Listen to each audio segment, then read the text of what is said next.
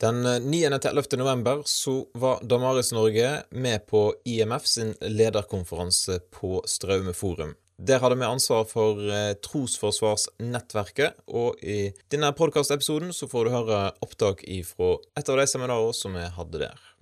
Da, folkens, eh, er det jo fantastisk bra å se at dere er sånn cirka våkne.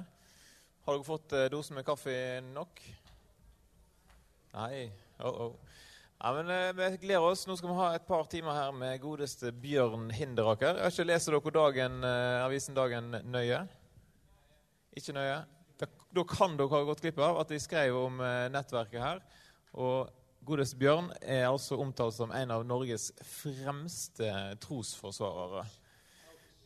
Det er og når det står i avisen Dagen, da er det rimelig sikkert sant. Det er ikke mye fake news der. Det var ikke jeg som skrev det. Det ble skrevet det så i lørdagsavisa. Eller var det fredags? Han skrev det vel på fredag, så kom det vel ut på lørdag. Ja, lørdag. Så det må sjekke. Da var dagens eh, Dagen-reklame. Men eh, Bjørn, med, hvor lenge har du vært opptatt av trosforsvar? Siden du er en av landets fremste trosforsvarere. Når begynte den interessen? Ja, Det begynte i hvert fall i forrige årtusen, kan vi si. Men eh, i, uh, på videregående skole så var jeg med i laget. Eh, og der, i, i, Mandal, hvor jeg bodde da, så ble Human-Etisk Forbund opprettet. Jeg syntes det begynte å bli litt interessant. Så jeg gikk, var med der på, på, på en samling. Jeg syntes det var veldig interessant at i, i Mandal det er en veldig kristelig by. Um, historien til Gustav Vigeland og flere sånne kjenner dere muligens litt til. Folk som er ganske bitre for den mørke oppveksten. Sant? Mandal veldig konservativ, veldig kristelig. Eh, og de som, som, ønsker frihet, de har ikke opplevd det positivt. Eh, og på Human-Etisk Forbund sine, sine, møter så var det mye av den bitterheten. Sant? Jeg tenker Der har vi noe vi trenger å forstå og at dette ikke bare er fornuftige argumenter som driver folk dit, men fordi at vi kristne og systemene driver de vekk. Um, så vi har litt ansvar for det. Så, så, de i, eh, så var det en som, som, som reiste seg opp, sånn, type frie vitnesbyrd. Uh, det var mange forskjellige ting om de kristne, om kirken osv. Og, så og så var det en som, som nevnte dette, dette, med Jesus, for det, var bare tøys. Men vet du hva da? Det var en annen humanist som reiste seg opp. Nei, Jesus han får du ikke ta. Så han var en skikkelig kar. Det er de kristne som, som, er problemet vårt. Så det var kjempeinteressant. Og så hadde vi et gårdsbruk um, ved Åpta. Um, um, flott sted. Der er det noen der kanskje vært på leir der på Åpta uh, leirsted, som NMS nå eier. Men ved siden av oss, på den gamle, gamle gårdsbruket, så bodde der en hippie på 70-tallet. ikke sant? Um, og han levde i et åpent forhold med sin eh, Ja, hva, hva kan vi kalle hun var, med, hun var, gift med, noen i Oslo, men hun bodde jo der. Uh, og de hadde vel et barn der som ikke var hans, ja, men det var veldig fritt og greit. Og han var en kjempehyggelig person. Så kom vi hjem til han, og så viste han meg et leksikon. Se her, se hva som står her om kristendommen. Der sto det jeg tror det var et Pax-leksikon. Der sto det at, at, at, det var eh, munker og kristne og Konstantin på 300-tallet som kokte opp Bibelen. I et leksikon står det. Så Da tenkte jeg oi sånn, jeg er blitt lurt her. Mine foreldre var misjonærer og sånn, vokste opp i dette. Har jo alltid trodd det. Det er jo et viktig spørsmål. Dette må jeg finne ut av. Eh, og det satte meg i gang med at eh, ja, det er viktig å finne ut av det. Til og med Paulus sier hvis ikke Jesus stått opp, ja, da er ikke kristendom bare et godt perspektiv og godt for livet, men da er vi de tåpeligste. Da er dette tomt, og da er vi løgnere. Da burde dere ikke tro på dette. Hvis ikke Jesus har stått opp, så er ikke kristentroen noe. Og så fikk jeg dette året på, på bibelskole rett etter min far gikk bort eh, i eh, siste videregående. Og så ble det året fokus på Jesu oppstandelse. Og en... Eh, en som heter John Warwick Montgomery. Dere kan faktisk google Han Han lever enda. Eh, han må være over 90 år gammel og en av de mest briljante hjerner jeg har møtt. Um, han var ateist. Han ble overbevist om kristen tro. Han ville ta kristen tro. Og Så ble han lokket inn i diskusjonen om Jesu oppstandelse, og han ble helt overbevist. Og han har da tre-fire doktorgrader, 10-12 mastergrader og skrevet ja, Enormt hode på han. En av utfordringene hans er litt for briljant, litt for god humor. Så hvis du er, er i motdebattant med han, så er det sjanse for at du blir latterliggjort.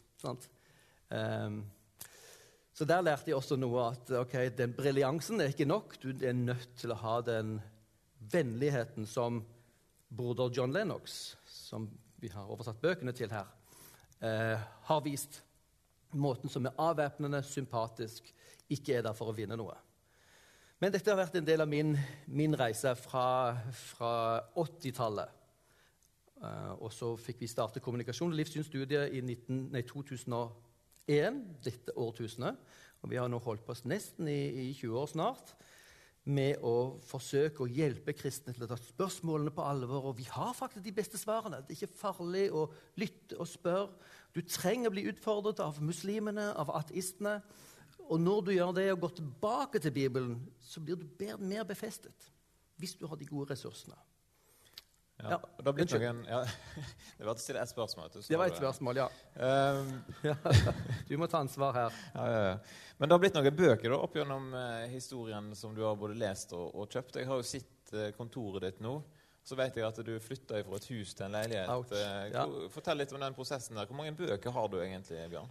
Nei, da, vi, vi teller jo ikke bøker. Og så, når folk kommer på ja, har du lest alle disse bøkene, liksom Nei, forskere de leser ikke bøker. De konsulterer. Så jeg planlegger for min, for min pensjonisttid. Da skal jeg lese bøkene mine. Nå har jeg de som ressurs.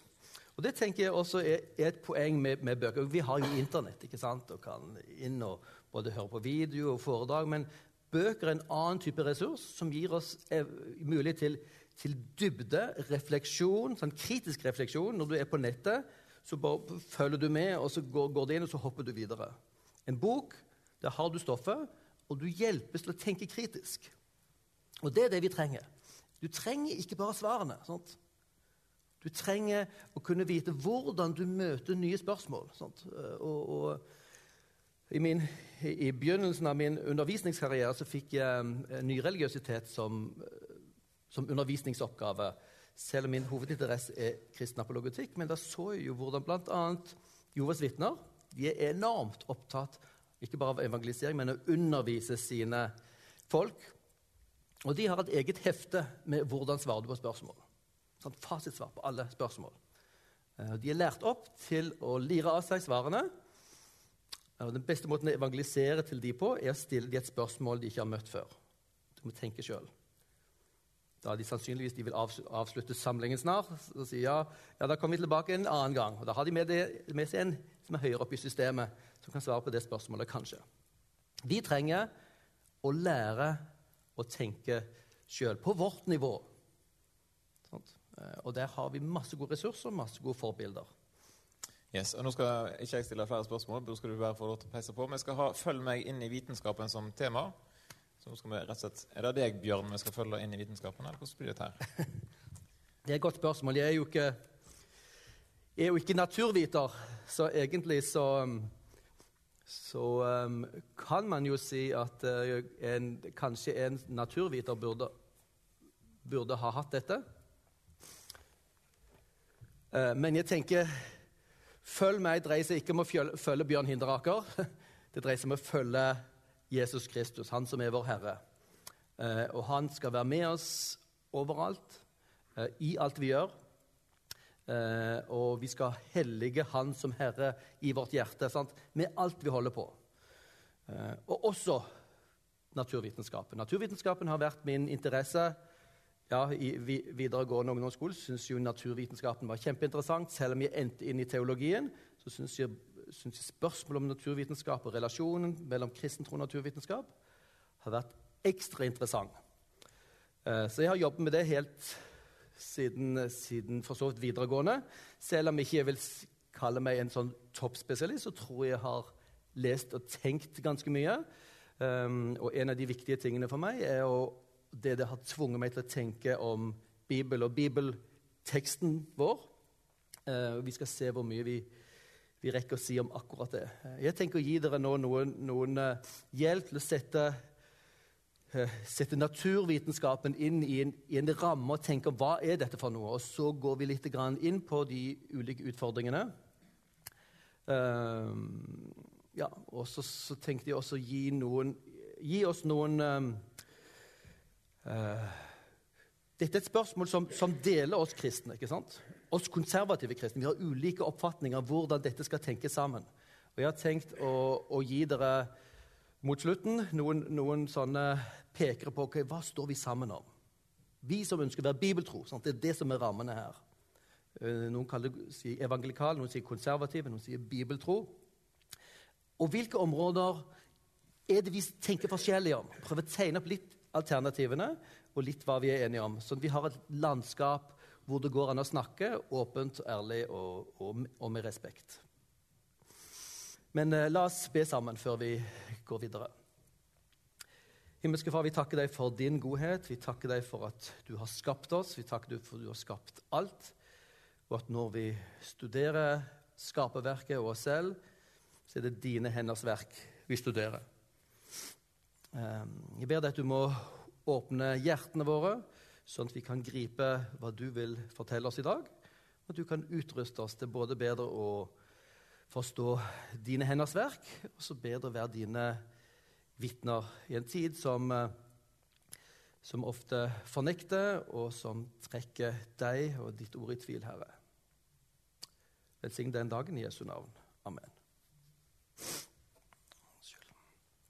Følg meg i møte med naturvitenskapen. Eh, og vi er på en søndag her. Naturvitenskapen høres ut som det nærmer seg arbeid på en søndag. Ouch! Eh, vi er på seminar på en søndag. Naturvitenskap er ikke liksom fritidsforkynnelsesting uh, som vi har lov til på en søndag. Det kan høres ut som, som um, dette er litt bob-bob. Naturvitenskap på en søndag. Men husk, søndagen er oppstandelsesdagen. Oppstandelsesdagen er den dagen da Jesus ble reist opp av graven, og vi fikk den første smaken på Guds nyskapelse. Gud skal skape og fornye dette universet en gang. Det skal fødes ut et nytt, rent univers hvor synden og døden ikke lenger hersker. Og Dermed så er oppstandelsen òg en bekreftelse av den første skapelsen. Så det passer veldig godt at vi på en søndag rette fokus på Guds skaperverk, for det er noe han vil bekrefte. Med en gang å gi, vår, gi oss kroppene tilbake igjen og gi oss en ny jord hvor rettferdighet bor, hvor Gud skal bo iblant sitt folk. Så dermed har vi fått det på plass. Da trenger dere ikke å, å plage samvittigheten med det. Hvorfor er naturvitenskapen viktig? Jo, for det første er jo dette Guds verden. Naturvitenskapen studerer naturen, og den er Guds. Salme 19. Himmelen forkynner Guds herlighet, hvelvingen om Hans henders verk. Den ene dag bærer bud til den andre, en natt gir sin kunnskap til den neste. Det er ikke tale, det lyder ingen ord, ingen røst som kan høres. Men budskapet når ut over hele jorden vitnesbyrdet til verdens ende. Alle mennesker bor i Guds verden. Og den skjønnhet og den orden som vi finner her, den uttrykker noe om den Gud som har skapt dem. Og så, Derfor kan også Paulus si i uh, begynnelsen av romerbrevet om hedningene sant?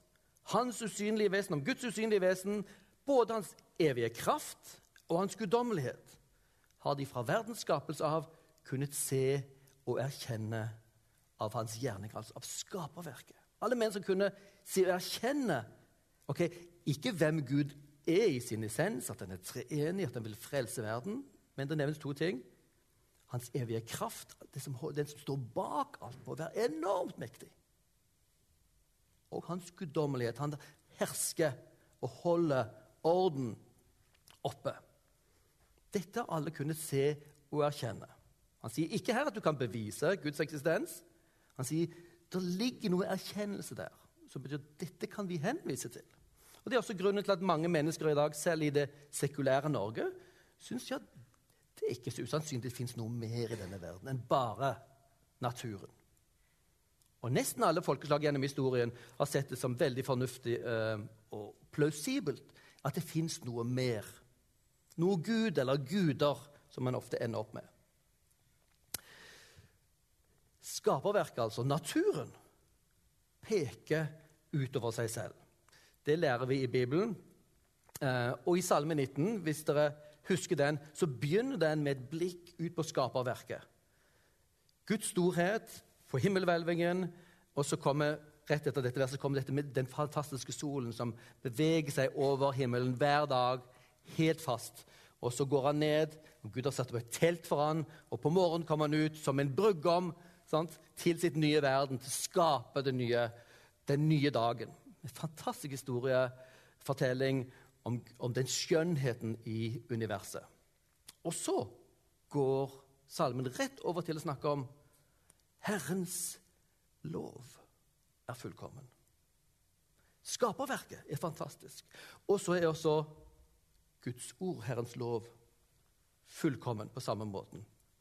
Og Ut fra denne her salmen så har vi fått den tenkningen om Guds to bøker, som vi også finner igjen hos Paulus. ikke sant? Det er ikke bare i Skriften og Guds spesielle åpenbaring Gud gjør seg kjent. Gud har allerede gjort seg kjent gjennom skaperverket sitt. Men den er uten ord. Den er veldig vag. Men folk kan se, erkjenne det. Og så er det interessant, I, i, i Romerbrevet så snakker jo Paulus om at de har kunnet se og erkjenne det, men de holder sannheten nede i urett. Det er en ting de har kunnet erkjenne, men uretten får de til å holde den sannheten nede. Jeg kunne sagt mer om det, men uh, dette er utgangspunktet for, for det kristne synet på skaperverket. Det er Guds skaperverk, og Gud har latt det ligge igjen noen spor av seg selv, Gud som kunstner, um, i dette skaperverket. Og dette er en helt unik forestilling i filosofihistorien. Grekerne trodde jo på guder, men Sokrates og gjengen hadde ingen forestilling om den ene Gud som er skaper av himmel og jord. Helt fremmed tanke og som skapte muligheten for det vi nå kjenner til, at, at, at eh, dette skaperverket har naturlover. Det har en orden som en Gud som er fornuftig, har satt opp, og som har gitt oss fornuft og gjort oss i stand til å forstå hans skaperverk. Jeg kunne sagt mer om det, men en av de grunnene også til at naturvitenskapen er viktig for oss, ikke bare det at det er et kall for oss til å studere Guds håndverk, altså hans natur, hans skaperverk men også fordi det er et utbredt forestilling om det er en konflikt mellom, mellom tro og vitenskap i vår tid. Dette er sånn klassisk vitsetegning. Og han eh, kraftige professoren der, det er han fra vitenskapen Science, klar til å bokse. Han mer eh, høyreiste der, den religiøse, mer kanskje predikanten. Og så ser dere over øynene her har han noe som heter bibelbelte. Og så sier han, eh, han med bibelbelte No hitting below the belt. Det er ikke lov å slå under beltestedet. De religiøse de bruker ikke øynene sine, bruker ikke tanken sin, og de krever jo at de, at de ikke blir angrepet. De blir fri fra slippe kritikk.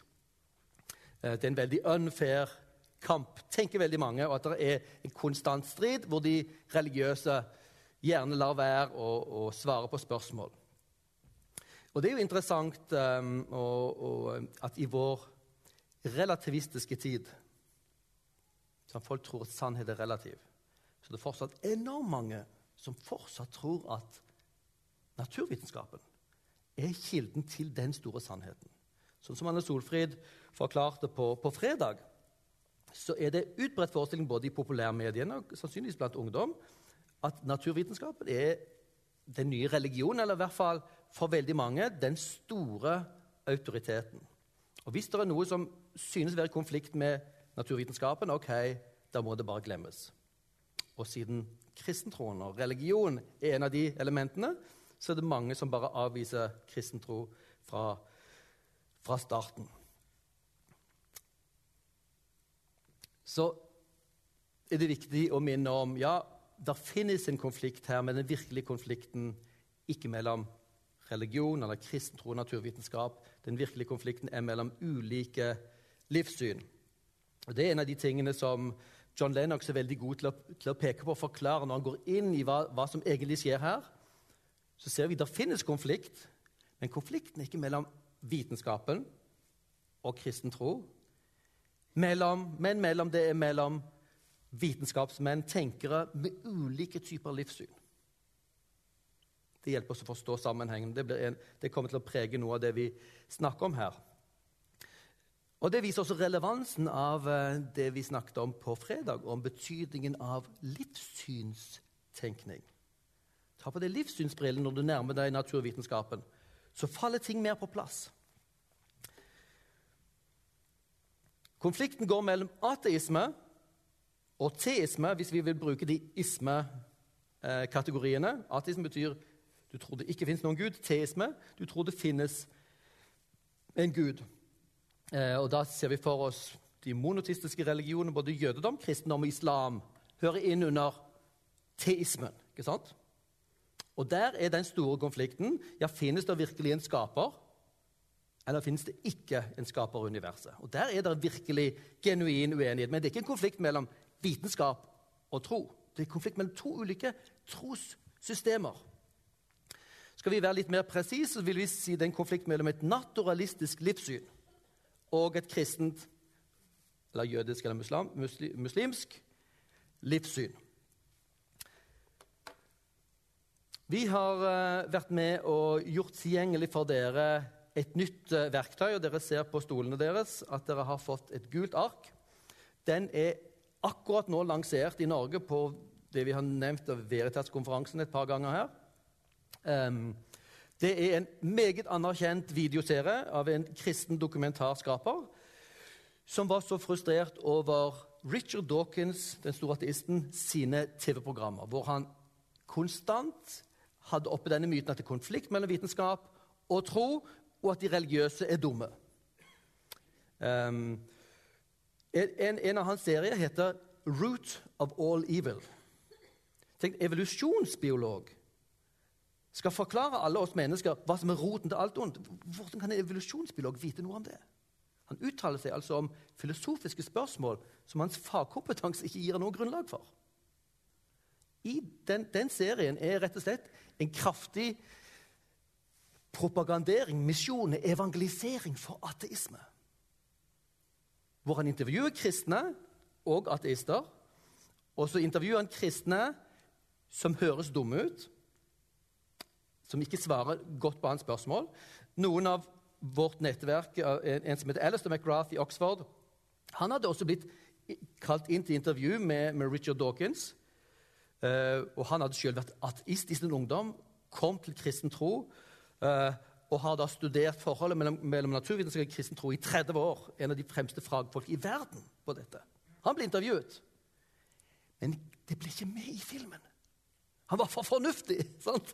Så da holdt Dawkins det ute. Det passer ikke med bildet. Så Ian Morris, som har lagd disse filmene her, som heter 'Finnes Gud', han tenkte vi må, vi må nærme oss dette på en annen måte, ikke som propaganda. Vi skal ikke komme med kristen propaganda som svar på ateistisk propaganda. Vi trenger å hjelpe folk til å utforske spørsmålene selv. Og Dermed har han lagd en TV-serie her med tre temaer. Kosmos, utvikling og evolusjon og menneskets bevissthet.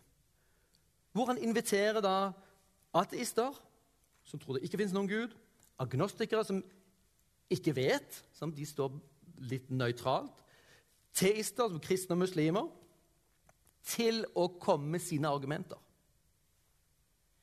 Og så overlater filmen til oss som tilhørere å trekke konklusjonene. Tenk, Det er en måte å kommunisere på som respekterer tilhørende. Kom her, undersøk, se argumentene. Begynn å diskutere. Hva, hva syns du var godt med det argumentet? Hva, sånn, hva, tenker du om dette? Så dette er noe som jeg tenker at dette trenger dere å vite om. Dette er en unik ressurs for kristenfolket i Norge, og det er like god ressurs for de som er ateister. Her slipper ateistene til. Richard Dawkins er intervjuet her. Og hans påstander er en del av det som blir diskutert. La meg bare helt kort um, henvise dere til uh, siden. Det er altså finnesgud.no. Uh, og uh, Poenget med denne serien er ikke å gi svarene, men løfte opp spørsmålene som får oss til å tenke. Det, det, er supert for skoler det er supert for menigheter. Og vi har tenkt å kanskje lage dette til et slags pre-alfa. Folk som ikke er helt klar for å komme på alfa. Hvis du går på alfa, da er du klar til å snakke om kristendom. Sant? Det er det du inviteres til i alfa. En del folk er ikke der, men de kan godt snakke om tro og vitenskap og de spørsmålene som må ryddes vei, av veien først. Dette er en ypperlig anledning. Slippe folk inn, la de få samtale, og la folk komme til sine konklusjoner. Og så kunne invitere de videre til alfa. Er det dette kristendommen går ut på? Ja, Var kanskje ikke mine fordommer eller mine oppfatninger så godt begrunnet før? Kanskje jeg kan begynne å lese Bibelen og undersøke kristendommen likevel. En sentral ting her er samtaleoppleggene. Um, vi har allerede lagd samtaleark som dere finner her, uh, til hvert program, som forklarer nøye hvor, hvor, hva er logikken i filmen, hvilke temaer tas opp. Så Du sitter med et ark på fanget, så du kan følge med. Nå snakker han om det, nå snakker han om det. Og så er det veldig gode refleksjonsspørsmål, samtalespørsmål, på, en, på, hvert, på hvert program. Vi utvikler også et, en mer, mer um, omfattende samtalehefte på 40-50 sider som kommer til å, å, å, ligge tilgjengelig her ute, spesielt for skoler og sånt, men som er veldig grundig og, og bra gjennomarbeidet. Og Så klikker man selvfølgelig oppe her på Kjøp serien. Dette er ikke helt gratis. Vi har betalt noe for den og trenger å ha den dekket. Og, men det er veldig bra ressurser. Det er tre temaer delt opp i to, så det er seks videoer. En halvtimes video. Det er perfekt å kunne ha en bibelgruppe. Nok tid til å, til å skape den samtalen. Og Hvis du går her på forhåndsvisning, så skal vi ta et kort klikk, eh, kikk på, på Skal vi se, har vi lyden på? Ja, det har vi. Skal vi se om den eh, Om vi får Skal dere se mm, Nei, eh, kanskje det er det som er en utfordring. ja. Men har vi lyd fra PC-en? Ja, Da har jo ikke dere sett um, de um, samtalearkene heller, men de ligger der på finnesgud.no. Og så gjør vi sånn. Sant? It matters enormously whether or not God exists. The key question actually is is there evidence for the existence of such a creator? Wasting your time being wrong is the, the modus operandi of religion. I think we are the winners in a lottery. What started it, what powered it, we don't know. Is that just a bit of luck, or is there something going on? It is the biggest question, and it can't be avoided.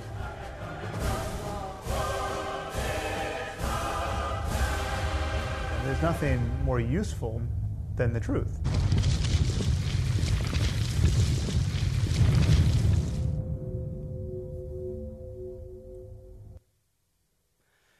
Og Her har dere altså noen av de fremste talsmenn for ateisme og kristen tro, og inkludert jødedom og islam, inn på disse her spørsmålene. Får de rett og slett inn i stua.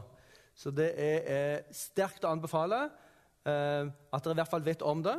Eh, og så er disse tilgjengelige for dere på mobilen. Du kan ikke kjøpe DVD. De er på nettet nå, folkens. ikke sant? Så det er, Dette er play on demand-system hvor du kan se det samme på mobilen, på iPaden, på PC-en din, hvis du bare har nettverkstilkobling. Ja, Så det, det, er en av de tingene denne filmen illustrerer.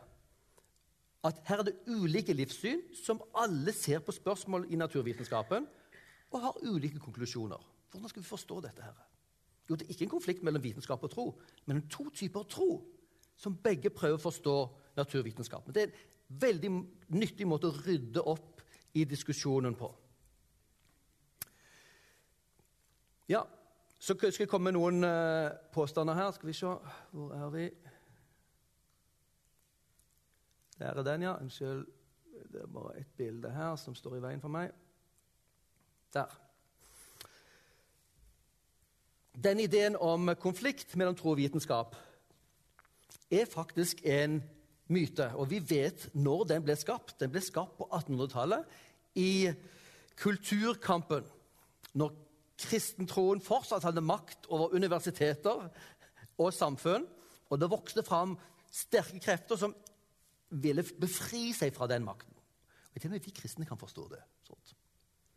I denne kampen så vokste det fram en ny gruppe som heter scientist, vitenskapsmenn. Det var en kategori som ikke fantes før. Sånt? Scientists. Så spørsmålet hvilken autoritet har disse scientists i forhold til tidligere autoriteter, som prester, f.eks.? Og Da ble det en sånn kulturkamp om hva skulle være autoriteten. Og vi vet jo i dag veldig tydelig det er vanlige folk Hvis du i et panel stiller spørsmål til en pastor og til en fysiker, f.eks. I moderne menneskers øyne så er det helt opplagt at naturvitenskapsmannen eller -kvinnen er den som vet noe. Hun tenker kritisk. Dette er noen som vet noe. Pastoren han vet jo ingenting. Han er kanskje ikke flink med mennesker, men du kan ikke tro at han egentlig har noe kunnskap. Så det er en myte som har festet seg blant, i, i, kulturen vår, som vi trenger å vite om.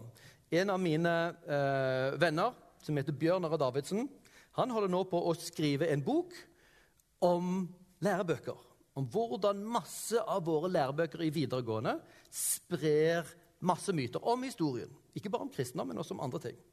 Feilinformasjon, og mye av det dreier seg om dette her feilaktige bakteppet.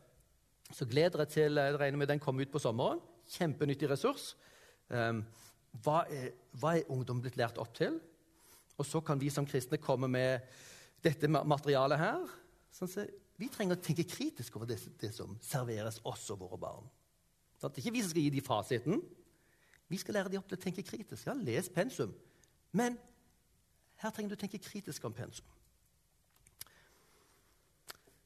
Ikke bare er det ikke en konflikt mellom tro og vitenskap, men det er en myte, men moderne naturvitenskap har kristne røtter. En som heter Alfred North Whitehead, som det ser bilde av her, han var kollega med en av de fremste ateister forrige århundre, som heter Bertrand Russell. Engelske, engelske tenkere. Matematikere, begge to.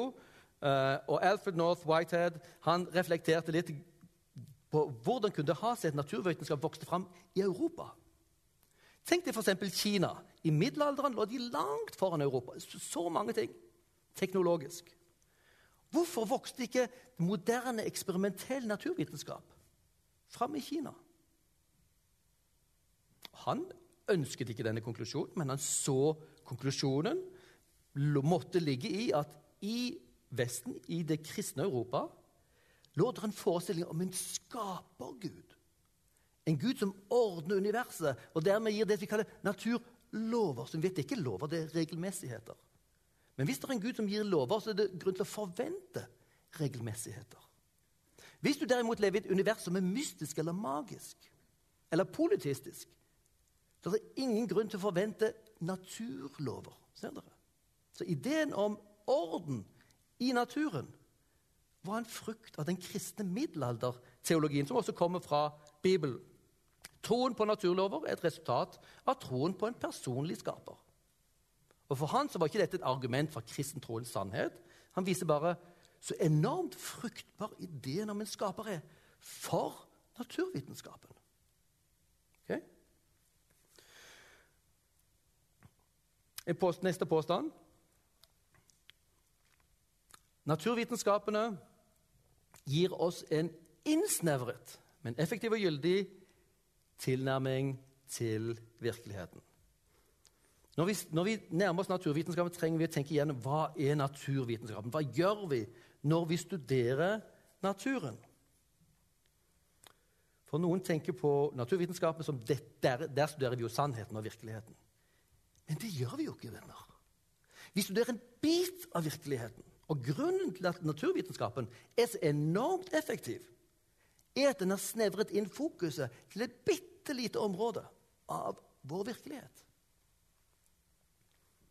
Nemlig den avgrenses, naturvitenskapen avgrenses til det som kan måles og veies. Det vi kaller empirisk. Empiriske vitenskap. Naturvitenskapen før dette var ikke empirisk. Det, det man drev på med i, i, forlengelsen av spesielt Aristoteles, var ikke å undersøke, veie og måle. Nei, du så på en ting, du så på en hest, og så brukte du logikken din til å tenke deg gjennom hva er egentlig en hest. Og Da formulerte du gjennom logikken hva dette måtte være, og så fikk du svarene. Det var en logisk prosess. Og det var når vi fikk fjernet Aristoteles, at vi åpnet for det moderne naturvitenskap. Men merk dere, da har vi allerede som vi skal se, vi har avgrenset for visse typer spørsmål. Når vi avgrenser oss til det som kan veies og måles, så utelukker vi spørsmål om mening og moral. Ikke fordi spørsmålene er uviktige, men fordi de kan du ikke måle og veie. Sant? To kilo galt halvannet kilo riktig. Sånn. Det går ikke. Det er en helt annen type kategori av tenkning. Og spørsmålet om mening det gir heller ikke mening. Sånn. Hva er meningen med at denne ballen faller slik? For en naturviter gir ikke spørsmålet om mening mening, for han stiller andre spørsmål. Utelukker spørsmål om mening og moral. Og husk samtidig så forutsetter naturvitenskapen en tro på sannhet. At det er sant, det vi blir fortalt. Det periodiske systemet som all, all kjemien baserer seg på. Du tror det er sant. Det ligger autoritet i det, det er masse tro i det. Det forutsetter moral. sant? At dine medarbeidere er sannferdige, åpne og ærlige. Sant? Ellers så bryter vitenskapen sammen. Det forutsetter troen på fornuft, det tror, for, for, troen på uh, sanser, på orden osv. Det er masse trosforutsetninger som må til før naturvitenskapen kan starte. Dette er ikke tro imot vitenskap. Det er vitenskap som trenger viss type tro for i det hele tatt kunne begynne. Og det store, For å forstå hva naturvitenskapen er, så er det viktig å forstå det store det vi paradigmeskiftet i naturvitenskapen, som skjedde kanskje 1500-1600-tallet, mellom 14 og, 14 og 1600-tallet i, i, Vesten. Um, og det var jo slik at det Aristoteles her han er den store autoriteten etter Thomas Aquinas har uh, tatt for seg han um, og gjort han til den katolske kirkes store filosof. Uh, på den tiden så heter det ikke naturvitenskap. Det heter naturfilosofi. Selvfølgelig, for han er filosof. Han nærmer seg naturen ved å filosofere over det han ser, ikke med å eksperimentere. Og Det som skjer i, um, uh, i denne her tiden, er at det er en endring i type forklaringer som gjør den moderne, eksperimentelle naturvitenskapen mulig. Det er nemlig en endring fra hensikt til spørsmålet om årsak. Gjennom Aristoteles så hadde vi lært at, uh, at uh, den grunnleggende spørsmål du, du stiller, er en tings hensikt en tings ytterste mål og mening. Det skal du finne gjennom å reflektere over det. Du ser en kniv. Du kan reflektere over en kniv er til for å skjære, og dens essens er å være skarp, så det kan skjære godt en hest. Ja, han skal løpe hurtig. Eh, eh, det er dens hensikt. Ok, Du reflekterer det fram til en tings essens og dens hensikt. Når man valgte å parkere det spørsmålet Hva er en tings essens? Tilegnes spørsmål Ja, men la oss nå se hvor fort den faller. Istedenfor å reflektere over eplets essens. Sant? La oss se hvor fort den faller. Når, når Aristoteles reflekterer over et fallende eple, lyder det sånn Jo, um, hvorfor faller dette eplet nedover? Jo, Eplet hører til naturen. Enhver ting i naturen har en indre hensikt, mål. Så eplet dras nedover mot sitt mål, nemlig jorden, det jordiske. Mennesket har dobbel natur. Kroppen vår dras nedover mot jorden. Det er hjemmet til den. Sjelen vår dras opp mot det guddommelige. En tings hensikt, kroppens hensikt, hjem hører til på jorden, sjelens hjem hører til der oppe. Så bevegelse forklares ut ifra en tings hensikt. Når man da i stedet for å stille spørsmål om hensikt, man slutter å stille et spørsmål og stille et annet, stille spørsmål om årsak, så får du helt andre typer spørsmål. ikke sant?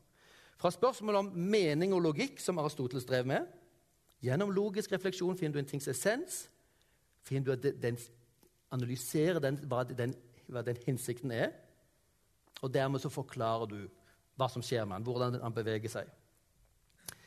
Istedenfor å stille det spørsmålet, så stiller du spørsmålet om La oss måle farten.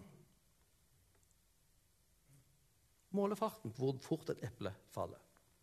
Og da får du helt andre typer svar. Og dette startet den eksperimentelle vitenskapen. La oss se, la oss undersøke. For eksempel var det en forestilling om i, uh, i uh, middelalderen om at kokt vann det fryser veldig mye raskere enn kaldt vann. Aristoteles hadde sagt det, så, så, folk stilte ikke spørsmål til det. Så var det selvfølgelig en i middelalderen som en, en naturviter som dette må vi teste. Og det stemte jo ikke. Det kalde vannet koker mye fortere, nei, det fryser mye fortere enn det varme. Så eksperimentering ble nøkkelen. Og det ble også grunnlaget for kritikk mot den gamle måten å tenke på. Ok, Her måler du og veier eplets bevegelse. Tenk Isaac Newton, som så eplet falle og prøver å stille spørsmål. Ja, hva, hva, er dette? Hvordan kan vi måle det? Så satte han ordet gravitasjonstyngdekraften, eh, som, som, vi ikke helt forstår hva er for noe. Men det ble bare påstått. La oss bare måle det. Vi trenger ikke vite hva det er, men vi ser det virke. Dermed fikk vi tyngdekraften. Ok, Så det som skjedde når naturvitenskapen vokste fram, var at man sluttet å stille en viss type spørsmål. Spørsmål om en tings mening og hensikt. Og Det er de viktige spørsmålene sant, når vi snakker om menneskelivet. Naturvitenskapen valgte da å stille andre spørsmål som viste seg enormt effektive. Å kunne måle og veie. Problemet med denne overgangen sant? For oss kristne er ikke det noe problem å måle og veie. Selvfølgelig burde vi gjøre det. Det er Guds natur. Å finne naturlover som, som forklarer dette, Det er kjempeinteressant. Og mange av disse aller første eller tidlige moderne vitenskapsmennene var jo høyst overbeviste kristne. Jeg syntes dette passet godt med sin egen tro. Og de hadde problemer med Aristoteles, som var en greker og hedning. egentlig. Så det er bra å være kritisk til han. Problemet for oss oppstår når noen tror at materien er hele virkeligheten. Sant? Det er ikke noe problem sant? Når du ligger på operasjonsbordet og du har en lege over deg, så det er veldig bra at han vet at du har en kropp som er fysisk, vet hvordan vevet er, hvordan disse ulike lagene er. Han behandler deg som natur. Sant? Veldig glad at han vet nøyaktig hvordan det fungerer. Men det er også veldig bra at legen vet at du er noe mer enn bare det. At han faktisk snakker til deg, bryr seg om deg. De tingene som er viktige for deg, er mer enn bare kroppen. Problemet er når noen ser på naturvitenskapen den under det hele virkelig. Det, det, er bare dette som er virkelig. Og Det er det vi kaller naturalisme. Dette er livssynet, som er den moderne, store moderne formen for overtro. Og Det er jo litt interessant at vi kaller det overtro. Ikke troen på at naturen er virkelig, men at naturen er hele virkeligheten. Og selvfølgelig det andre elementet, at naturvitenskapen ja, det, det, fortelles alt vi trenger å vite. Det er en ting som Richard Dawkins og de nye stadig forteller oss. Det er kun naturvitenskapen som kan fortelle oss sannheten. Mm. Det er veldig, veldig lite gjennomtenkt. Enhver begynnende filosof vil kunne se det høyst problematiske i dette. For det er jo ikke en naturvitenskapelig påstand i seg selv. Sant? Så Hvis kun, hvis kun natur, naturvitenskapen gir oss sannhet, så er det ikke mulig å hevde at naturvitenskapen kun gir oss sannhet. For det er en filosofisk påstand. Du kan ikke drive et eksperiment som beviser det. Ok. La oss illustrere dette her nå med, med um, Aristoteles og moderne vitenskap med spørsmålet hvorfor koker vannet. Det er en illustrasjon som, som vår, vår, venn matematiker fra Oxford stadig bruker. Hvorfor koker vannet? Du er kommet hjem til tante Olga, og så koker det, så piper det i uh, kokekjelen som, som, vi hadde før. Før hadde vi ikke disse her uh, automatiske vannkokerne. Vi hadde en kjele, og så peip det når den var ferdig sant, fra tuten. Og så er det selvfølgelig en fysiker som sitter inne i rommet. Ja, hvorfor piper denne her? Jo, hva vil han si? Jo, det er energi som kommer gjennom elektroner, gjennom, ja, gjennom strøm det hos oss. I England er det mye gjennom gass ikke sant? som brennes, som oksiderer og gjerne avgir varme. Den varmen går inn i bunnen på kjelen, får, får molekylene til å bevege seg og, og skape sterk bevegelse inn i molekylene i vannet. Noen av de molekylene får så sterk bevegelse at de beveger seg ut av vannform til dampform. Derfor koker vannet. ikke det riktig? stort sett? Dere natur, naturfagslærere vil dere kanskje forklart det litt bedre enn jeg gjorde nå. Men eh, det er jo sant, ikke sant? Men det er en annen måte å svare på det. Tante Olga vil lage kaffe. Ja, koke kaffe. Og det er ikke noe vits i å sitte og krangle om det. Ja, Var det Olga som ville lage kaffe, eller var det molekylene i bevegelse? Er det energien?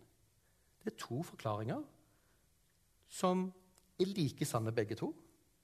Tante Olga er den som har en intensjon, en hensikt om å lage det, sette i gang og skru på strømmen og får dette til å starte. Den andre forklaringen ser på de målbare tingene med elektronene. Den stiller ikke spørsmål om Olga engang. Det gir ikke mening å stille spørsmål om Olga når du, når du bare analyserer det som kan måles og veies her. Og Dermed har vi to typer forklaringer. I naturvitenskapen, den moderne vel å merke, dette er ikke Aristoteles, men den moderne naturvitenskapen, da ser vi på mekanismer, målbare mekanismer, som forklarer, og som gir årsaksforklaring. Dette er det som gjør den moderne naturvitenskapen helt genial. De holder oss kun til det vi kan måle og veie. Det vil si, våre teorier prøver å gjette hva som ligger bak det vi kan måle og veie igjen. Sant? Men fokuset er fortsatt kan vi måle noe. Um, og mange ting vi ikke kan måle direkte, sånn som sorte hull. Sant? Mørk materie, mørk energi, kjempespennende. Det, det, vi kan ikke det, men det, det meste av energien i universet er mørk energi. Som ikke vi kan måle, og som, som forklarer hvorfor vårt univers akselererer utover. Ikke bare vi beveger oss utover, men det akselererer utover. Det er en energi som dytter planeter og galakser fra hverandre. Vi kan ikke måle det, men vi, vi postulerer ut fra målingene at det fins noe sånt. Målbare mekanismer som gir årsaksforklaringer. Den andre typen forklaring er meningsforklaring, som er intensjoner. Sånt. Olga hadde tenkt det. Derfor satte hun det i gang, og dette forklarer at vannet koker. Hvis vi lærer å se dette slik, slik så er det en, en del pro, såkalte problemer som løser seg. Ikke alle. Men det å si at har du en naturvitenskapelig forklaring. Dermed har du utelukket Gud. Det er en stor logisk misforståelse hva naturvitenskapen er for noe. Naturvitenskapen ser på de målbare tingene. Den kan ikke uttale seg om dette er noens intensjon. For det er ikke spørsmålene du stiller. Spørsmålet står fortsatt helt åpne om fins det en intensjon, fins det en mening, fins det rett og galt i universet. Som det er veldig gode grunner til å tro på helt uavhengig av naturvitenskapen, som ikke har verktøy til å undersøke de spørsmålene. Og det er interessant at disse intensjonene, denne hensikten, Den må egentlig åpenbares. Aristoteles trodde du kunne liksom tenke deg fram til disse gjennom å se på et objekt. Vi som kristne tenker egentlig det på en eller annen form for åpenbaring. Kommer du til tante Olga, eller kommer du inn i huset, så trenger hun å forklare deg hvorfor dette vannet koker. Jo, jeg vil lage kaffe. Jeg har forresten Mitt barnebarn har bursdag, som ikke drikker kaffe, men eh, det blir stort selskap. Og det kan ikke du vite som fysiker. Kan ikke finne fram til det. Det må åpenbares for deg. Hensikter er en ting som må åpenbares. Mens de andre tingene er ting du eksperimenterer og måler deg fram til. Hvis vi anvender dette på kristen skapertro, så det er kjempenyttig. Nå snakker vi ikke om hvordan verden ble skapt opprinnelig. den første skapelsen. Nå snakker vi om skapertro i forstand av du. Hvem har skapt deg, eller hvor kommer du fra? Hvis vi stiller spørsmålet åpent. Så kan du på den ene siden si at ja, jeg hadde noe som heter foreldre. Sant? Vi ikke snakker for mye om det, men det heter forplantning, og så ble jeg født. Um, og um, sånn skjedde det. Men så sier vi samtidig 'jeg er skapt av Gud'. Betyr det at du fornektet dine foreldres medvirkning her? Kan de liksom frikjennes for dette her? Dette har aldri vært en konflikt. Det at du er skapt av Gud, og det at du er blitt til helt naturlig, er ikke to teorier i konflikt med hverandre. Du må velge den ene, men det er samtidig. Vi tror at Gud har skapt meg og alle ting, sier vi i uh, Luthers forklaring til, til, til første trosartikkel om skap, skapelsen. Skapt av Gud er ovenfor-forklaringen, som forklarer hensikten og meningen. Du er, en, du er intendert. Jeg tenker Det er en, en av de tingene som er tragisk. Hvis, hvis alt det moderne mennesker har av forestilling om hvem de er, er natur og kropp, naturfag, så kan du, ikke, du kan ikke komme til noen mening. For det er tilfeldigheter eller lovmessigheter. Og det er det eneste naturviterne har å forholde seg til. Hvis det er alt om meg, så er det grunn til å være deprimert. Vi tror at vi er skapt av Gud, og vi tror samtidig at Gud brukte mine foreldre til å skape meg. Det er helt genialt. Så vi kan kalle vi, vi er alle mirakler, men ikke på den måten at det er noe overnaturlig, men ved at Gud har brukt naturen til å gjennomføre sin vilje og bringe deg til denne verden. Forklaringene utelukker ikke hverandre. Vi, forhåpentligvis så praktiserer vi dette flere ganger om dagen. Melken på bordet, brødet på tallerkenen. Hvor kommer det fra? Nå begynner vi å høre barnehagen at 'Kua mi, jeg takker deg'. sant? Jo, vi takker Gud, og så vet vi samtidig at melken kommer fra kua. Sant? Kornet kommer fra åkeren, hjelper bonden. Den kristne skapertanke setter ikke dette opp som motsetninger. Det er en grunnleggende tilnærming til eh, skapertroen. Ja.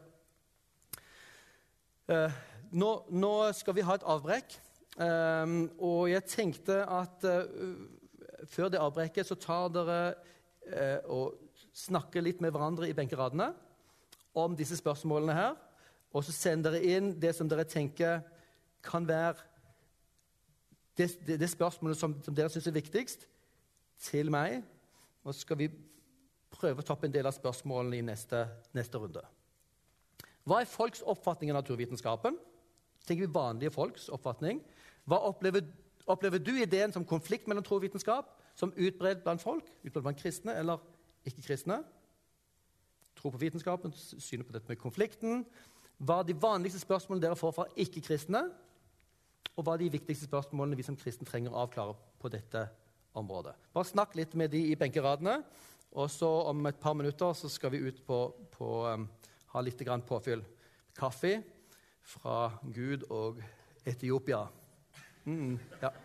Jeg ser det er mange spørsmål, og mange lange spørsmål, så dette er interessant. Det, det, det jeg ønsker å gjøre nå, er å prøve å tegne opp et større bilde om, eh, om hvordan, hvordan, vi kan diskutere disse spørsmålene.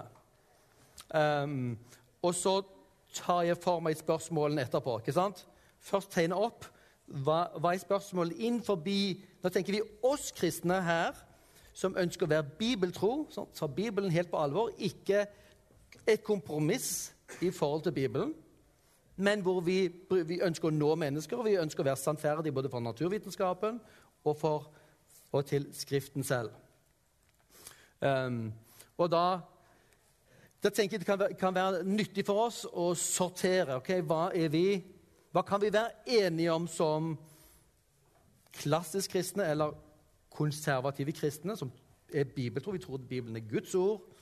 Noen vil kunne kalle det evangelikale. Det er, en, det er et begrep om en, en bibeltrobevegelse som er internasjonal. Så har hørt om Lausanne-bevegelsen. Så hører de til dette. Det er et bredt spekter. Både karismatikere, det er lutheranere, det er baptister. Et bredt spekter som har veldig ulike syn på f.eks. Første Mosebok. Um, akkurat som, som vi kan ha det også her i salen. Og da, Hva er vi enige om, og hva er vi uenige om? Det er en nyttig ting for å plassere debatten. Nå er vi kvart på, ja.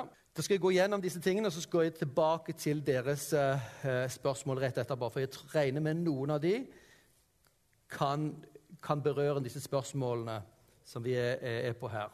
For det første, og dette går tilbake til hva vi snakket om på fredag Alle mennesker alle tenkende mennesker, eh, reflekterende mennesker, har et liv som de har et perspektiv. De ser verden ut ifra. Alle tror dermed. Spørsmålet er hva du tror på, og hvorfor. Her er det ikke konflikten mellom de troende og de som ikke tror, eller de som tror på Gud, og de som bare følger vitenskapen. Nei, alle tror. Spørsmålet er hva vi tror på, og hvorfor. Vi som er blant de eh, Vi bruker ordet bibeltro. Det tror jeg er et bra ord for oss internt. Ikke alle som liker det eh, eh, utenat, at vi bruker det begrepet. Men jeg tror inn, inn, i denne gruppen her så kommuniserer det godt hva, hva som er et av de sentrale anliggendene våre. Vi bekjenner oss til troen på Gud som universets skaper og oppholder. Som jeg har sagt, Gud som har skapt meg, ikke en alternativ teori til forplantningen. ikke sant? Eh, og at Gud som skaper dreide seg både om den opprinnelige skapelsen og den skapelsen som skjer i dette øyeblikk. Det at hjertet ditt banker, det at du puster, at elektronene går i de banene de gjør. Det er Gud som holder de der. Det er det kristne synet. Og Gud trenger ikke kjempe seg inn i vår verden. Bryte inn snakker vi ofte om. Og det er en veldig enkel og misforstått tanke om hvem Gud er. Trenger Gud bryte inn i sitt univers, det han holder oppe? Nei. Han holder det oppe. Av og til så gjør han ting på en annen måte enn det naturlige. Men uh, det er hans hånd og hans arbeid. Troen på Gud som skaper, den kristenteismen, den utelukker andre alternative livssyn. Sånn er det med alle livssyn. Har du ett livssyn, så er det i prinsippet forskjell fra de andre livssynene. Det trenger ikke bety at du er sint på dem, at du vil krangle med dem, men det er bare forskjellige perspektiver. Som f.eks. polyteismen, troen på mange guder, som er en av de mest utbredte religiøse si, uh, ideene gjennom historien. Eh, hvis du tror på én gud, hvorfor kan du ikke tro på én gud til? Og Nabostammen tror på den, og på fjellet er det sannsynligvis en annen gud enn, den på sletten og på havet. Politismen er ett av perspektivene. Som kristne er vi monoteister. Med andre ord fornekter vi gudene. Det fins bare én gud. Og Derfor ble kristne kalt i antikken blant romere ateister. De trodde jo ikke på gudene. De trodde bare på én Gud. Vi vil også utelukke pantismen, nemlig at Gud er inni alt, og jeg, egentlig, jeg er egentlig guddommelig i min kjerne. Jeg er udødelig, allvitende inni meg selv. I bunnen av meg selv finnes den guddommelige kjernen. Hvis jeg bare finner inn i den gjennom meditasjon eller, eller noen teknikker, så finn tilbake til min identitet, min fullkommenhet, min udødelighet. Gud er i deg. Det er heller ikke det kristne perspektivet, men det ligger veldig nært. For Gud er allestedsnærværende. I ham er det vi beveger oss og er til. Så Gud finnes alt der. Men det er forskjell mellom Gud som skaper, og deg. Du er dødelig. Du står under Gud. Du skal lytte til ham. sant? Du er hans. Um, så panteisme, selv om det har likhetspunkter, så er det konflikt med den kristne monoteismen. Gud står også over universet. Om universet går opp i røyk i dette øyeblikket, så er Gud fortsatt uforandret.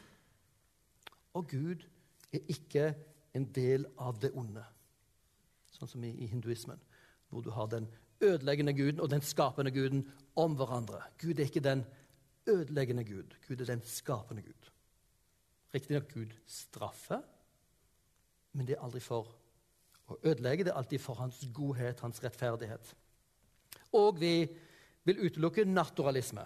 Og det er den store utfordringen i spørsmålet om naturvitenskapen. Naturalismen, som hevder at naturen er alt som finnes. Det finnes ikke noe gud eller guder eller ånder eller sjel. Men husk at naturalismen er et eh, barn av den kristne teismen. De har lånt ideene fra oss om at universet er styrt av en lovmessighet. De tror ikke at, at universet bare er tilfeldig, sånn som styrt av gudene eller av magi. De tror at det finnes lovmessighet. Vi kan finne dem, og gjennom naturvitenskapen kan vi måle og finne fram til denne orden. Men de fornekter altså de dypere, det vi vil si, de dypere sannhetene om virkeligheten. Det fins en person bak universet som har skapt og intendert deg og meg og naturen og elektronene. Så livssyn utelukker hverandre. Og du kan komme til naturvitenskapen med ulike livssyn. Og selvfølgelig er jo et av spørsmålene ja, hvilket livssyn gir best grunnlag for å drive med naturvitenskap. Vi som kristne Bibeltroskristne kristne, vi tror også på Guds to bøker, som vi begynte med her i dag, om, om skaperverket og Skriften. I Skriften har Gud åpenbart seg gjennom ord, skaperverket gjennom sine gjerninger. Vi kan ane noe, men ikke mer enn ane. Men det betyr når eh, når vi formidler evangeliet, så forteller vi om den Guden vi har kunnet ant noe om. Anen som i mitt liv kanskje har en mening. Det fins kanskje noe mer i livet. Um, det fins kanskje et håp. Ja, Gud har lagt det i deg. Og det vi kommer med hjem i dette budskapet, det er med å gi deg det som hjertet ditt faktisk har spurt om, men som naturalismen sier en løgn. Guds to bøker tror vi på. Det er helt uavhengig av vårt syn på første Mosebok og om verden er 6000 år gammel og skapt på, på, på seks dager. Vi, også, vi, kan også være helt enige om at, at uh, kristen skapertro gir et unikt grunnlag og motivasjon for å drive med naturvitenskapen. Hvis du tror at dette er Guds skaperverk, at Gud er en ordensgud, han er pålitelig, ja, da gir dette mening å studere hans henders verk. Du, Guds, du, du tenker Guds tanker etter han faktisk når du, når du, studerer naturen. Og Det var noe som motiverte noen av disse her. Er det noen som kjenner igjen disse ansiktene her? Er det noen navn dere kjenner igjen? Tesla, flott. Isaac Newton oppe til venstre. Galilei oppe til høyre. Nede til venstre. Der er han har funnet opp en konstant. Plank, Max Plank. Og Dette er ikke bare folk som tilfeldigvis bar kristennavnet, men som er sterkt overbevist kristne, og som snakker om at, at, at, deres tro motiverer deres arbeid med, med naturen. Og det er interessant at at veldig mange ateister bruker Galileo Galilei som eksempel på en, en som kjempet imot kirken og kristen tro. En total misforståelse. Han kjempet, han ble satt i husarrest, han ble dømt. Galilei Men det var fordi han utfordret det aristoteliske bildet av universet. Og Der var det kristne som var på begge sider. Galilei var kristen, og de andre aristoteliske filosofene var også kristne. Og De hadde makten, de hadde paven på sin side osv. Okay. Så han var overhodet ikke noen ateist. Vi kan gi gode grunner for troen på Gud som skaper. Vi, kan, vi tror ikke på det bare fordi vi syns det er bra. Du kan si OK, fordi dette fyller min lengsel. Du kan argumentere ut fra vårt hjertes lengsel om at det er plausibelt at det finnes en Gud. Vi har noe som heter sult. Det gjør det fornuftig å tenke at det finnes noe som heter mat, som tilfredsstiller den sulten. Det at vi mennesker spør etter mening med livet, gjør det veldig plausibelt å tenke at ja, vi spør etter mening fordi vi er skapt for en mening. Det er et argument ut fra lengselen som, som bl.a. C.S. Lewis eh, formulerte. Og det var en del av hans egen vandring som ateist, hvor han opplevde at naturalismen, en mørk naturalisme som sier at denne verden er ond og meningsløs Men jeg lengter etter mening. Han elsket norrøne myter som forteller historien om de store kampene, om helter osv. Disse lengslene om å finne en større mening hadde han, men måtte fornekte det som ateist. Og Det gjorde han, han ateisme ramlet sammen. Ateismen kan ikke være sann. Det fornekter de viktige tingene i livet, mens de holder fast kun på de mer overfladiske. Ok, Vi kan jo gode grunner for troen på Gud som skaper. Og i den filmserien som dere nå har blitt fortalt grundig om, så er det eksempel på det. Finnes Gud-serien er, er, argumenter for og imot Guds eksistens. Eh, og i den første eh, episoden på Kosmos er spørsmålet om hva forklarer kosmos, hva forklarer universets begynnelse. Det kalles det kosmologiske argument. Hvis universet ble til ved et smell, og det er den utbredte oppfatningen i dag, og den Big Bang-teorien ble faktisk si, oppfunnet av en kristen tenker. Og ateistene Mange ateister syntes det var en ekkel teori. og Min, min store helt er jo Albert Einstein. Han syntes denne teorien var ufyselig.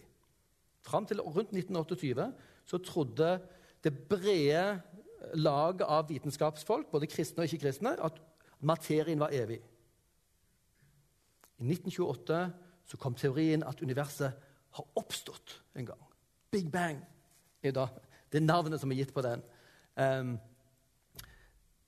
og mange ateister syntes det var skikkelig vrient og kjempet imot den teorien lenge, men nå det nytter ikke lenger, for den er så godt bevitnet. Den er bedre, bedre bevitnet enn en evolusjon. Du kan observere Big Bang i dag hvis du har et gammelt TV. Skru det på og ikke finn en kanal. Før i tiden hadde vi den der tsh, det susen. Du ser bare så prikker på skjermen. Det er Big Bang. Ekko fra Big Bang. Det er stråling fra alle kanter i universet som kommer, tar inn på skjermen, så vi kan måle Big Bang faktisk i dag. Og spørsmålet for en ateist er da Hvis universet startet en gang, hvor kommer det fra? Da må det ha en årsak. Så Der har kristne ganske sterkt, sterkt argument, som vi møter bl.a. i denne, denne filmen. Kristne presenterer det, og så prøver ateistene å svare. Og så er poenget at uh, ikke at filmen gir oss svaret, men at nå skal vi diskutere spørsmålet og de faktiske argumentene. Det andre argumentet som også dukker opp i denne første filmen, er det vi kaller fininnstilling. Man trodde, trodde, at, trodde tidligere at når man fant ut hvordan universet hadde utviklet seg, så ville det være ganske naturlig eh, hvor, du, hvor, du, ser at selvfølgelig måtte det bli sånn. Men jo mer man har undersøkt, jo mer underlig er det at universet akkurat er blitt sånn som det er nå. At det faktisk fins materie i det hele tatt. Det skal så mange små detaljer og innstillinger til for å kunne skape et univers med bare materie. For å ikke si et univers som kan gi intelligent, intelligent liv at det er en usannsynlighet så svær at det nesten ikke kan tenkes. Finnestillingsargumentet. Det er en veldig kjent eh, engelsk, en britisk ateist, og de er jo ofte veldig reflekterte. Han heter AJ Ayer, som forlot sin ateisme av fininnstillingsargumentet. Og, og, og Richard Dawkins ble jo så sint og sier at han har fått demens. Han var vel kommet i 80-årene, men han var sylskarp som han alltid hadde vært. Han sa at han er ikke blitt kristen, sant? men han er bare blitt overbevist om at argumentene fra fininnstilling er så sterke at han trodde nå det fantes en Gud. Husk at du tror det fins en Gud, betyr ikke at du er kristen. Det er et nytt skritt igjen. Jeg vet ikke hvordan status er på han. Lever, lever han enda, forresten? Nei, det er ikke AJ Air, det er Anthony Flew. Anthony Flew er veldig interessant. Han har skrevet en bok, 'There Is a God', um, hvor han forteller om, om, denne. Så argumentet er faktisk veldig sterkt. Uh, og Det dukker opp i denne filmen. Og det, det, Disse argumentene kan vi være enige om som kristne, uansett hva vi tenker om, om de andre detaljene. Vi kan også komme med det moralske argumentet. Moralen For at moralen skal være gyldig, må det finnes en standard. Objektiv standard som sier at noe er galt. Det er galt å torturere et barn bare for moro skyld. Og Nesten alle tenkende mennesker vil si ja, selvfølgelig er det galt. Men hvorfor er det galt? Det må finnes en standard ut forbi naturen, ut forbi meg.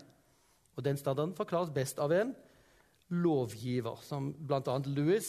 Um, Louis sitt argument i Se de øynene, i det som heter Mere Christianity, er dette moralske argumentet. Uh, interessant at det ble levert under andre verdenskrig i radioforedrag til allmennheten, som var nok bedre til å lytte til en sånn halvtimes argument enn man er i dag. Uh, men der hadde han vært som ateist. Han kjente argumenten innenfra og leverte et sterkt argument for kristen tro gjennom moralen. Og jeg tror kanskje De forrige årene kanskje er C.S. Lewis en av de som har brakt flest mennesker til kristen tro. Bl.a. gjennom dette argumentet. Og så OK, alle disse tingene kan vi være enige om som kristne, selv om vi er uenige om andre ting. Og det, trenger, det er viktig at vi bruker det. Og disse tingene vil dere bl.a. finne i disse filmene og disse bøkene John Lennox. Og så er det spørsmålet her ja,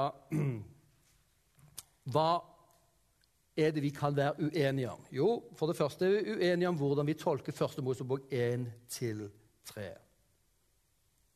Vi må skjele mellom skapertanken, som sier at Gud har skapt alt, og skapelsesfortellingen i Første Mosebok 1-3, som forteller om hvordan Gud skapte universet fra starten av. Sant? Den filosofiske livssynsperspektivet om skapelse, og det andre er den fortellingen om skapelsen. Det andre temaet er naturvitenskapen. Hvordan bør vi forholde oss til naturvitenskapelige teorier? Big Bang-teorien og evolusjonsteorien. Og For noen år siden så hadde jeg en eh, humanetiker oppe på Gimlekollen som presenterte humanismen. Hans sterke argument mot kristendommen var evolusjon. Han nektet for at det var en teori, det var bare fakta. Men Big Bang-teorien var han ikke så sikker på. Og jeg ble jo sjokkert. Big Bang-teorien er mye bedre bevitnet enn evolusjonsteorien. Men fordi han var ateist, så likte han ikke spørsmålet om, om universet hadde en opprinnelse. ikke sant? Men han hadde tydeligvis ikke trengt, trengt å tenke så nøye gjennom det. Um, det betyr at vi trenger, vi trenger, å snakke med folk av ulike oppfatninger og bli utfordret og selv utfordre videre. Vi også, kan også ha ulike syn på Bibelen og naturvitenskap. Hvordan vi sammenholder en forsvarlig bibeltolkning med en forsvarlig holdning til naturvitenskapen. Begge de to tingene er viktige for oss alle, men vi finner ulike måter å løse dette på. Eh, og John Lennox har sin måte. Han prøver også å tegne opp noen alternativ. Vi, også, vi kan også være uenige om hvor viktige disse spørsmålene er. Noen vil si at ja, det er ikke så viktig, dette kan du finne ut av. Andre vil si at dette er så viktig, det har med bibeltroskap, det har med hvor hele troen begynner, om det fins en skaper. Ok, Vi kan være uenige om hvor, eh, hvor viktig det er, og vi trenger en, en, en samtale om det. Vi har ender opp da med ulike Nå er dette mye å sitte og notere på. Dere kan få tilsendt powerpointen. Vet ikke om det legges ut på, på um, Kanskje vår tid, da? Eller på OK. Ja. Så, men det er fire Det kan være det kommer på appen i etterkant. Um, hvis dere kontakter meg, så kan dere i hvert fall få en tilsendt direkte. hvis dere ønsker det. Men det er i hvert fall fire grunnleggende posisjoner som vi trenger å tenke til. Det ene er den ungjordsmodellen, som kalles kreasjonisme eller ungjordskreasjonisme. Disse begrepene er jo ikke alltid veldig klare. Kreasjonisme betyr at du tror på skapelse. Det gjør jo alle kristne.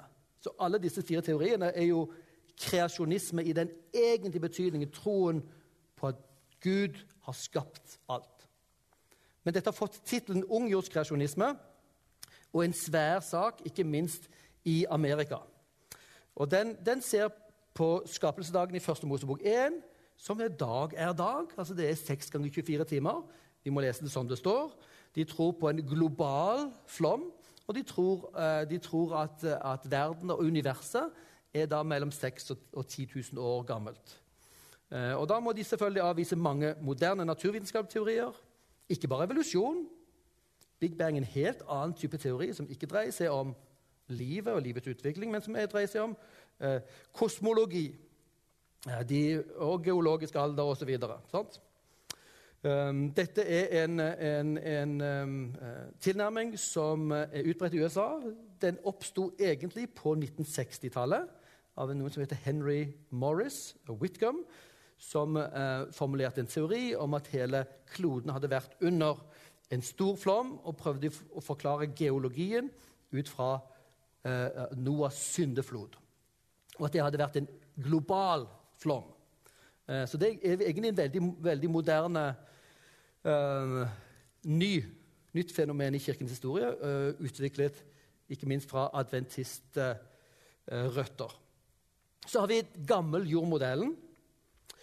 De ser skapelsesuken ikke som 6 ganger 24 timer, men som enten en, Guds, en slags Guds arbeidsuke eller lengre perioder. Det er kanskje enda mer vanlig. De ser på de seks dagene som det er epoker og perioder Um, da tolker vi ordet dag. ikke sant? som dette er dagen Herren har gjort. Det er ikke, det er ikke 24 timer eller 12 timer, men, men dette er tidspunktet. Uh, for eksempel. Eller det kan tolkes også som en litterær struktur. Helt tilbake til Augustin så har det vært en undring i forhold til disse tekstene. Augustin syntes det var så rart at Gud skal bruke syv dager når han kunne gjort det i et knips. Altfor lang tid. Så han tenkte at disse syv dagene de, det, må, det må være noe mer her enn bare at det tilfeldigvis er syv dager. Gud trengte ikke det. Um, og han så, den, så, en struktur under her. Tre pluss tre pluss én. Uh, og det kunne vi snakket om, det skal vi ikke gjøre, men det er uhyre interessant. Uh, et av de mange interessante temaene her. De holder fast på Guds skapelse, og de er veldig også opptatt av å si at okay, det er noen mirakuløse inngrep her av Gud inn i når ulike ting ble til, så er det Guds som sender sin skaperkraft. Starter livet, starter kanskje dyrene og kanskje mennesket. sånn at Det er noen sånne brudd inn i de naturvitenskapelige mekanismene som ellers fungerer normalt. Og De tror også på flommen, men de vil tenke at dette er en lokal flom eh, som det fortelles om. Um, de aksepterer naturvitenskapelige teorier, kritisk de mest omfattende evolusjonære teoriene. Um, at, at, evolusjonen forklarer alt, vil de være veldig kritiske til. Og de vil påpeke de manglene evolusjonsteorien, um, som, er, som, har store mangler. Uh, men det er ikke et problem for en teori å ha store mangler. Problemet kommer når du har en alternativ teori som forklarer tingene bedre. Og det har vi faktisk ikke i dag. Så det er en av utfordringene for evolusjonsteorien. Og at noen, noen tviholder på evolusjonsteorien og nekter for at, at, det er en teori og at den har problemer, det er et stort problem, og som fòrer også kritikken av dette. Så har vi intelligent design, som er en, en, mer moderne bevegelse som egentlig ikke har noen oppfatning av Første Mosebok 3. Det er teori om informasjon, egentlig. Um, de sier at, at i i universet og ikke minst i livet så ligger der informasjon som DNA. DNA er en enormt avansert kode um, som, som, ikke bare kan dukke opp tilfeldig. Den er så høyst usannsynlig at det er helt umulig at bare tilfeldigheter eller naturlover kan forklare det. Det må være en intelligens et eller annet vis som er forklaringen på dette. Så det er intelligent design. Det er en, det er en designer som er intelligent, som, som må forklare flere, flere, elementer. Ellers har ikke Intelligent Design egentlig noen fast teori om Første Mosebok. Um, ja, de, altså, de, Intelligent Design sier jo egentlig kun at Det må være en intelligens bak. De trenger ikke si at det, en, at det faktisk er den kristne Gud. Jo, det gjør vi, men intelligent design-bevegelsen du du kan være som kristen intelligent designer og si at ok, du trenger noen intelligente designere for å forklare elementer i dette. her. Du kan være den, men intelligence er mye bredere. Du kan være ateist og være intelligent designer. Det finnes ateister, det finnes muslimer. Sant? Men det finnes også konservative bibeltroiske kristne, som, som, John Lennox, bl.a. Han, han vil være positiv til intelligent design. Um, og vil ikke nødvendigvis falle ned i en av båsene her. Kanskje, kanskje, mellom gammel jord og tistisk evolusjon, muligens, hvis vi prøver å plassere den inn. Uh, men poenget er å lytte til argumentene her. Så Noen av disse posisjonene kan has av helt, helt andre enn konservative kristne også. Sant? Det er et poeng å vite. Og det at du har en oppfatning som også andre har, trenger ikke bety at du er sluttet å være bibeltro. Og Det gjelder jo like mye på det siste punktet. Tror du på evolusjon, det som kalles teistisk evolusjon, så ser du på evolusjon som Guds måte å skape på. Men du trenger ikke tro at evolusjonen forklarer alt. Du kan være kritisk til evolusjon. Så evolusjon forklarer en god del av mekanismene her, men hvordan nye arter blir til, det er ikke forklart godt nok. Hvordan den kambriske eksplosjonen som man snakker om På et tidspunkt, Hvis, hvis man tror på det lange geologiske eh, tidsspennet så er det på et tidspunkt som kalles kambrium, hvor det er en eksplosjon av arter. Mangfoldet øker noe helt enormt. Og hvordan kan evolusjon, som egentlig er forklaring hvordan genene endrer seg og noen dør vekk sant? Hvordan kan det forklare det enorme mangfoldet? Store mangler. Um, så, så, um, og er siste posisjonen også um, så, så, vil jeg si det også at, at um, de står, mange av de som står for teistisk evolusjon, vil være det som vi vil kalle liberale kristne. De vil si ok, Bibelen, Bibelen eh, første kapittel er, mest, er en myte. Derfor trenger vi ikke høre på det. Og evolusjon er jo den, den eh, rådende teorien. Derfor tror vi på det. Ok? Det er en av problemene med den, med den posisjonen. Men her finnes det også masse bibeltro kristne som fortsatt tror på Første Mosebok 1-3. Tar den på alvor historisk og tekstmessig. Og sier likevel ja, men likevel så ser vi her at det er mange ting, mange ting ved evolusjon som overhodet ikke trenger være noe, noe, problem, men rett og slett gir mening til skapelsesfortelling. Har du, blant annet, du f.eks. tenkt på at hvordan skaper Gud dyrene? Husker det. Hva, hva sier Gud? Sier Gud 'bli dyr'? Så blir lys. Han sier 'la jorden frambringe dyr, planter og dyr. Gud kommanderer jorden, marken, og bringer dette fram. Det er interessant. Hmm. Det er en del ting her i denne teksten som vi kanskje overser hvis vi bare umiddelbart ser, tenker denne her eh, konflikten. Ok, Tistisk evolusjonmodellen ser jo for seg at Gud er den som har styrt evolusjonen, og da tenker man også skapelsesuken som ofte en litterær struktur. Litt sånn som gammel jord-modellen. Men gammel jord-modellen har ofte en tendens til å ville lese tettere inn naturvitenskapelige epoker og utvikling enn en tistisk evolusjon-modellen. De bibeltro her, sånn som, som de vi er opptatt av, de vil fastholde både at Gud som skaper, eh, troen på Bibelen selvfølgelig, Historisk syndefall, historisk Adam og flommen, men lokal flom. Okay? De aksepterer evolusjonære teorier på de fleste nivåer, unntatt evolusjonisme, som ikke er vitenskapelig, men som er filosofien. At evolusjon forklarer helheten om oss. At vi er bare dyr, f.eks.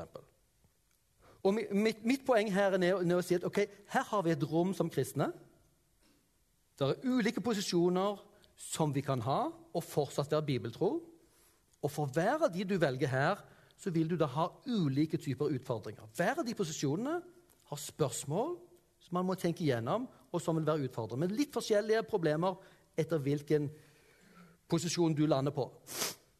Og Derfor tenker jeg at um, jeg vil be om, også i dette miljøet, også i det misjonssambandet som er liksom der jeg har vokst opp, hvor jeg også vil si de samme tingene. Vi er veldig opptatt av bibeltroskap også der. Det er liksom det startpunktet. Eh, og en av mine oppgaver er å hjelpe folk til å ikke, ikke ende opp med, med misforståtte konfliktbilder. Ok, Hvis det er en konflikt, la oss se på hva det er for noe. Men veldig ofte i de konfliktene man ser for seg, kanskje ikke så reelle som man har tenkt. Så vi trenger gode interne rom innenfor oss kristne, hvor vi er transparente. Vi trenger transparens. Det vil si, vi trenger å være tydelige med forutsetningene vi kommer til Bibelen med, og til naturvitenskapen med. Hva er mitt tolkningsverktøy for å forstå disse bibeltekstene. Hvordan nærmer jeg meg naturvitenskapen? Vær ryddig på det, så vi, så vi ser hverandre. ikke sant? Dette er, mitt, dette er mine premisser. Og så kan vi diskutere de. Vi trenger ærlighet, for vi sier ja, jeg har disse spørsmålene som jeg ikke har svar på, og du har andre spørsmål som er dine problemer, som du må jobbe med. Men det betyr ikke at det er umulig å være kristen. Sant? Du har uløse spørsmål. Vi er jo tross alt mennesker. Og det er veldig viktig å huske på at som innenfor apologetikken er ikke din jobb å finne alle svar. Men ærlige svar på ærlige spørsmål, som ofte betyr ja, det vet ikke jeg, men jeg vet at Jesus har stått opp. Jesus trodde på Bibelen. Jesus trodde på Adam. Jeg tror på Jesus, jeg tror på Adam, jeg tror på Bibelen.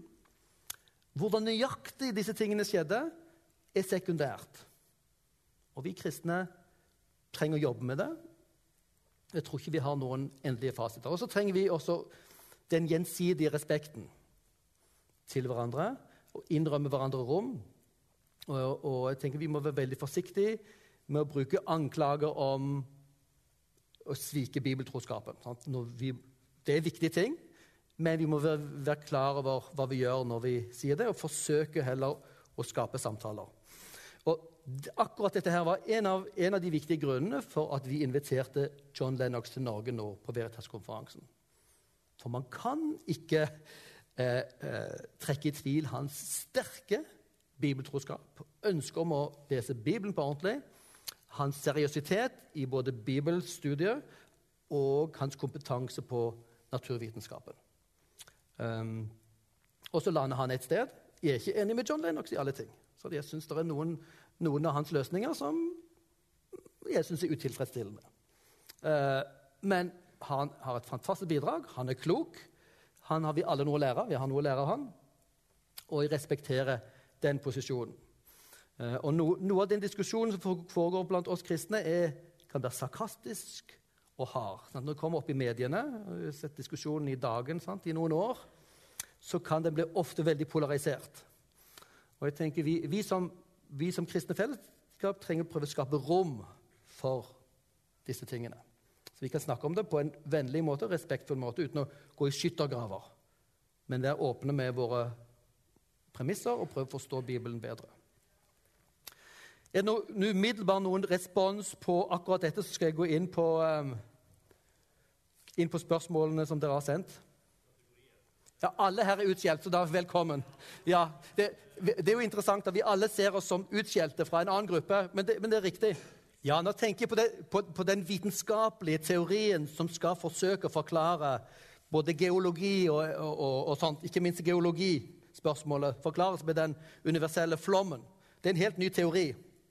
Mens, mens tanken om skapelsesdagen er jo er jo gammel sant, og vært gjennom kirkens historie. og Man har ikke alltid, man har ikke alltid forholdt seg til jordens lange alder før liksom nesten inn på 1700-1800-tallet. Ok, ja. Så, så, så, tanken om at jorden bare var 6000 år gammel, den er gammel. Og bl.a. biskop Usher, den, den, tror den irske biskop, han, han fastsatte jo en dato for jordens skapelse ut ifra lesingen av eh, slektsrekkene og den uken, og så tids datoen for skapelsen. Jeg forsøkte å gjøre en ordentlig matematisk uh, tilretteleggelse av det. Så det, den teorien sånn sett er gammel. Men det er ikke så veldig mange som, som har gjort som Usher og forsøker å, å, å finne, finne, datoen. Men teorien som den moderne kreasjonisme står for, som forsøker også å forklare de vitenskapelige data vi nå har om disse sedimentære lagene, um, og utvikling og um, ja, og knokler og fossiler. Det er, det er i stor grad en moderne utvikling. Fra Whitcomb Morris på 60-tallet, som jeg leste i teologien, var jeg veldig fascinert av den og brukte den i en, en av mine oppgaver. Uh, og jeg må si noe, Jo mer jeg har lest av Første Mosebok 1, jo mer skeptisk sant, for grunnteksten, jo mer skeptisk er jeg til den. da. Men jeg var veldig fascinert av ungjordskreasjonismen i begynnelsen av min, min teologistudier, fordi så opptatt av Bibelen er sann, vi trenger å respektere vitenskapen. Um, ja. Så det er ungjords, ungjords vitenskap, creation science, et moderne fenomen. Det er ikke et gammelt fenomen. Evolusjonsteorien er heller ikke gammel.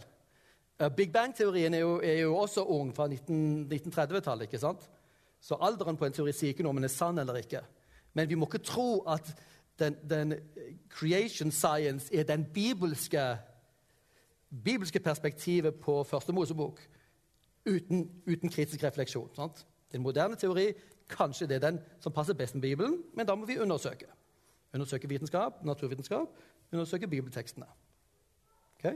Og, og eh, den, den, er som sagt utbredt, sterkt utbredt i USA, ikke minst pga. den enormt sterke kulturkampen. Hvis du har lest om Monkey Trials i, i USA fra 30-tallet, var det vel? Nei, var det 20-tallet? så var det en rettssak mot en evolusjonist eh, hvor, som, som mista jobben sin fordi en underviste i evolusjon, hvor det skulle, det skulle være forbudt i amerikanske eh, skoler. Eh, og det ble en kjempeseier for evolusjonistene til slutt, som fikk en sterk motstand mot de som ville stå for skapelse. Um, og Dermed det blir en stor politisk kamp. Hvem står du for? De etablerte vitenskapelige eh, mediene står for evolusjon, for ateisme, og som ønsker å presse kristne ut. Um, tro på skapelse og Bibelen er ikke vitenskapelig og fornuftig. Og så ser man to, to posisjoner. Og Da har du ung jords skapelse, og så har du evolusjon. Det er en del av en kulturkamp. Men jeg mener at uh, vi trenger å tenke dypere enn dette. her. Eh, det er flere bibelske posisjoner. Eh, det er en reell kulturkamp hvor naturalisme og ateisme faktisk forsøker å misjonere. Men det er livssynsspørsmålet som er det viktigste vi trenger å fange, fange opp der, og ikke, ikke, de enkelte naturvitenskapelige data eller teoriene. Okay? Er det flere sånn umiddelbare Fikk du stilt spørsmålet ditt egentlig? Ja. Så vi, vi, vi, trenger jo å se historien til, til, de posisjonene vi har, og reflektere kritisk over dem. Og, og sånn være oss må jo gjøre det uansett hvordan vi, hvordan vi lander. La meg, la meg, nå ta og um, raskt kikke på noen av spørsmålene sant, som er uh, uh, Ja. Spørsmål jeg ofte får, og det er en flott ting at uh, jeg får spørsmål. Det betyr at vi snakker med folk, og at folk jeg snakker med, har disse spørsmålene. I, I, Edens hage Gud hadde sagt de skulle dø når de åt av frukten. Slangen sa at de ikke kom til å dø. De døde jo ikke. Betyr det at Gud tok feil? Kjempeinteressant. Dette visste forfatteren. Dette visste forfatteren. Og Noen bruker jo dette med døden som et argument for, for at ok, det kunne ikke ha vært død før Adam syndet, for døden kom inn med Adams fall.